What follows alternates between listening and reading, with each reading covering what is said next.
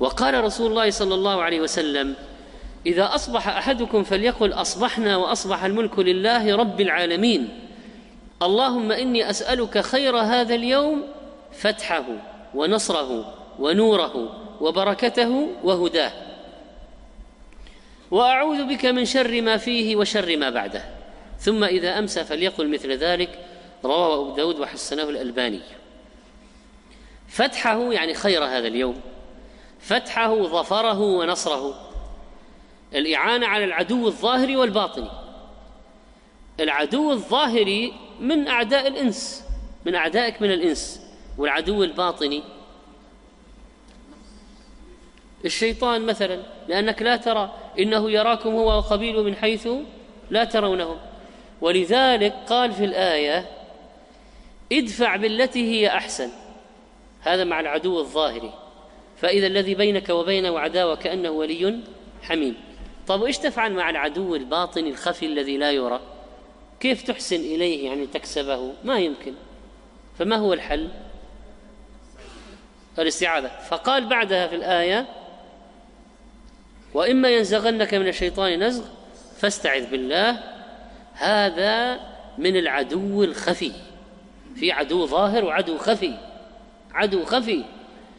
قال هنا اللهم إني أسألك خير هذا اليوم فتحه ونصره نصره على العدو الظاهر والعدو الخفي ونوره نور هذا اليوم النور الذي أرى به الحق فأتبعه وبركته كثرة الخير وهداه الاهتداء إلى الحق علما وعملا والمداومة على ذلك. وأعوذ بك من شر ما فيه وشر ما بعده. وعن عبد الرحمن بن أبي بكر قال لأبيه يا أبتي إني أسمعك تدعو كل غداة.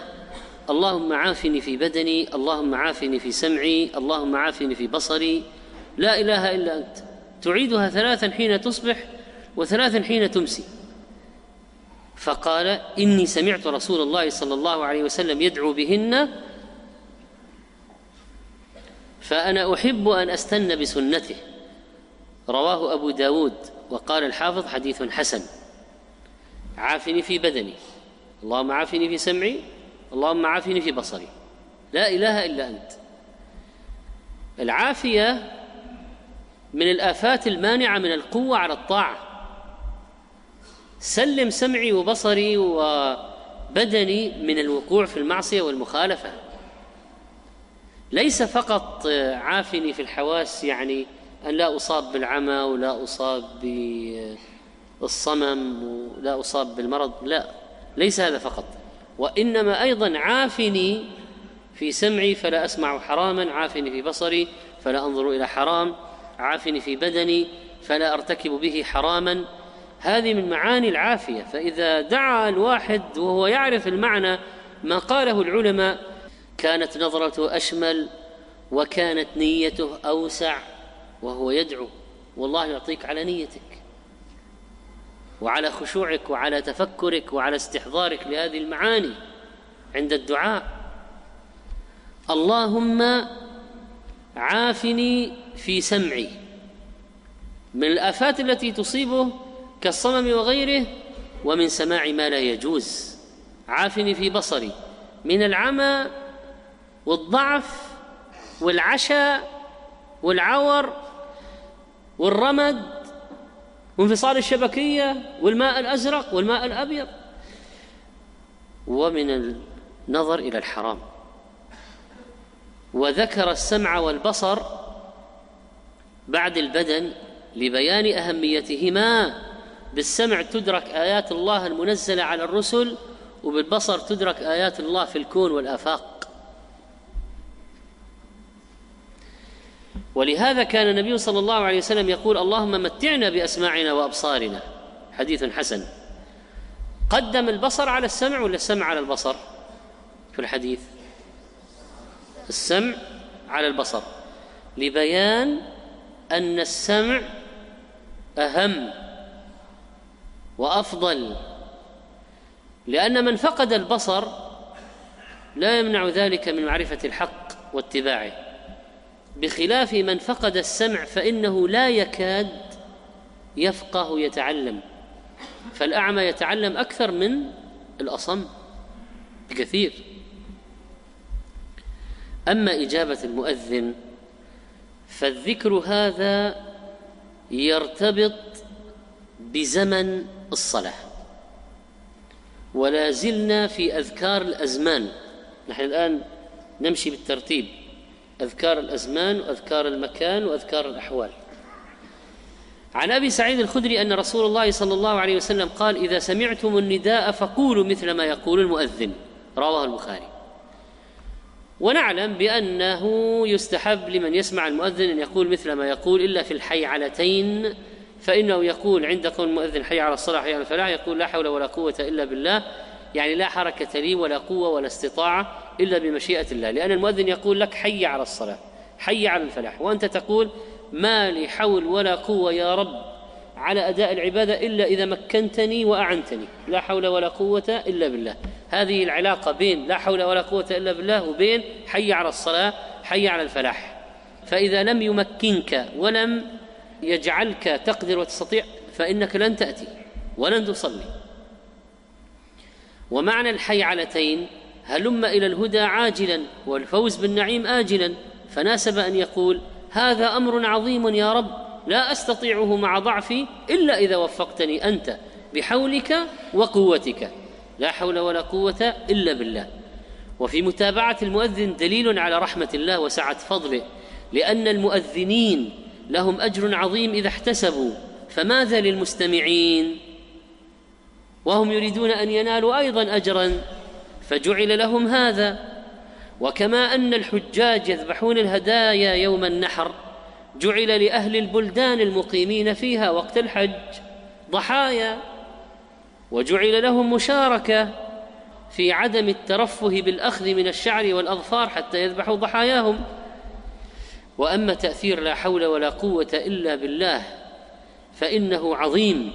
لما تعلمه من كمال التفويض والتبرؤ من الثقة بالنفس والاعتماد على حول الإنسان وقوته بل تسليم الأمر لله وعدم منازعته فيه. وهكذا فإنه ما ينزل ملك من السماء ولا يصعد إليها إلا بلا حول ولا قوة إلا بالله. وهذه الكلمة لها تأثير عظيم في طرد الشيطان والله المستعان. فائدة اشتهر عند الناس ختم الحوقله بالعلي العظيم. لا حول ولا قوة إلا بالله العلي العظيم. وثبت في صحيح مسلم ختمها بالعزيز الحكيم. فعن سعد قال جاء أعرابي إلى رسول الله صلى الله عليه وسلم فقال علمني كلاما أقوله. قال قل لا إله إلا الله وحده لا شريك له. الله أكبر كبيرا والحمد لله كثيرا.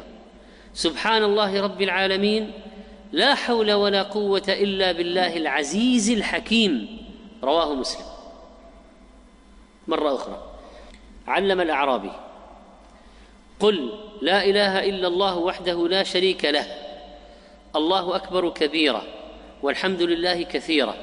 سبحان الله رب العالمين لا حول ولا قوة إلا بالله العزيز الحكيم. وجاء ختمها عند غير مسلم بالعلي العظيم كما في سنن أبي داود. من حديث عبد الله بن أبي أوفى قال جاء رجل النبي صلى الله عليه وسلم فقال إني لا أستطيع أن آخذ من القرآن شيئا. يصعب علي استعجم القرآن علي. فعلمني ما يجزئني منه. قال قل سبحان الله والحمد لله ولا إله إلا الله والله أكبر ولا حول ولا قوة إلا بالله العلي العظيم. وفي إسناده أبو خالد الدالاني قال عنه الحافظ في التقريب صدوق يخطئ كثيرا وكان يدلس. وهذا الحديث يرويه معنعنا عن إبراهيم السكسكي. وفيه أيضا إبراهيم هذا قال عنه الحافظ التقريب صدوق ضعيف الحفظ. وقد رواه أحمد عن مسعر عن إبراهيم السكسكي بلفظ لا حول ولا قوة إلا بالله دون قوله العلي العظيم. ومسعر من الأئمة الحفاظ. قال عنه الحافظ التقليد ثقة ثبت. فهو أثبت في إبراهيم من أبي خالد الدالاني. وعلى هذا يمكن القول بأن رواية أبي خالد فيها نكارة. وقد جاء عند ابن ماجه أيضا ولا حول ولا قوة إلا بالله العلي العظيم ولكن رواه البخاري وأحمد وأبو داود والترمذي بلفظ لا حول ولا قوة إلا بالله دون قول العلي العظيم. والحاصل أن ثبوت ختم الحوقلة بالعلي العظيم موضع شك. وعلى فرض ثبوتها فليست في الصحة كثبوت العزيز الحكيم. وختم الحوقلة بالعزيز الحكيم أنسب لأن العزيز لا يغالب أمره. ولا حول ولا قوة معه. ومع ذلك فهو حكيم يضع الشيء في موضعه على مقتضى الحكمة. هذا ما ذكره صاحب الفتوحات الربانية. إذا لا حول ولا قوة إلا بالله العزيز الحكيم. هذه الرواية أقوى من لا حول ولا قوة إلا بالله العلي العظيم. العزيز الحكيم أنسب أيضا في المعنى من العلي العظيم. وعن جابر بن عبد الله رضي الله عنهما أن رسول الله صلى الله عليه وسلم قال من قال حين يسمع النداء اللهم رب هذه الدعوة التامة المقصود بالنداء الأذان.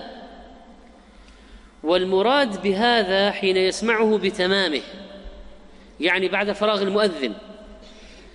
اللهم رب هذه الدعوة. لماذا سمي الأذان دعوة؟ لأنه في الحقيقة دعوة إلى الله لأنه دعوة إلى الصلاة. طيب ولماذا قال التامة؟ لأنه اشتمل على تعظيم الله وتوحيد الله والشهادة النبي عليه الصلاة والسلام بالرسالة ودعوة الناس إلى الخير. حي على الصلاة؟ حي على الفلاح؟ اللهم رب هذه الدعوة التامة. هذا الأذان دعوة تامة. دعوة إلى الله تامة في المعنى. والصلاة القائمة التي ستقام. آت محمدا الوسيلة. هذه المنزلة في الجنة لا تنبغي إلا لعبد من عباد الله.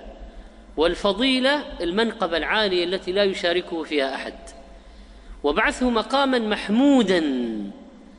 كل ما يجلب الحمد من أنواع الكرامات.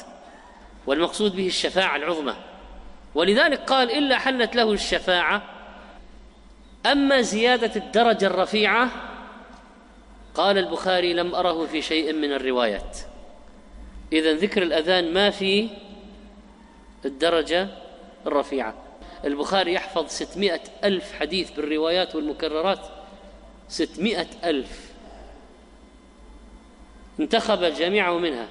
وقال أحفظ مئة ألف حديث صحيح ومئة ألف حديث غير صحيح. شيء عجب. قال لم أره في شيء من الروايات. الدرجة الرفيعة.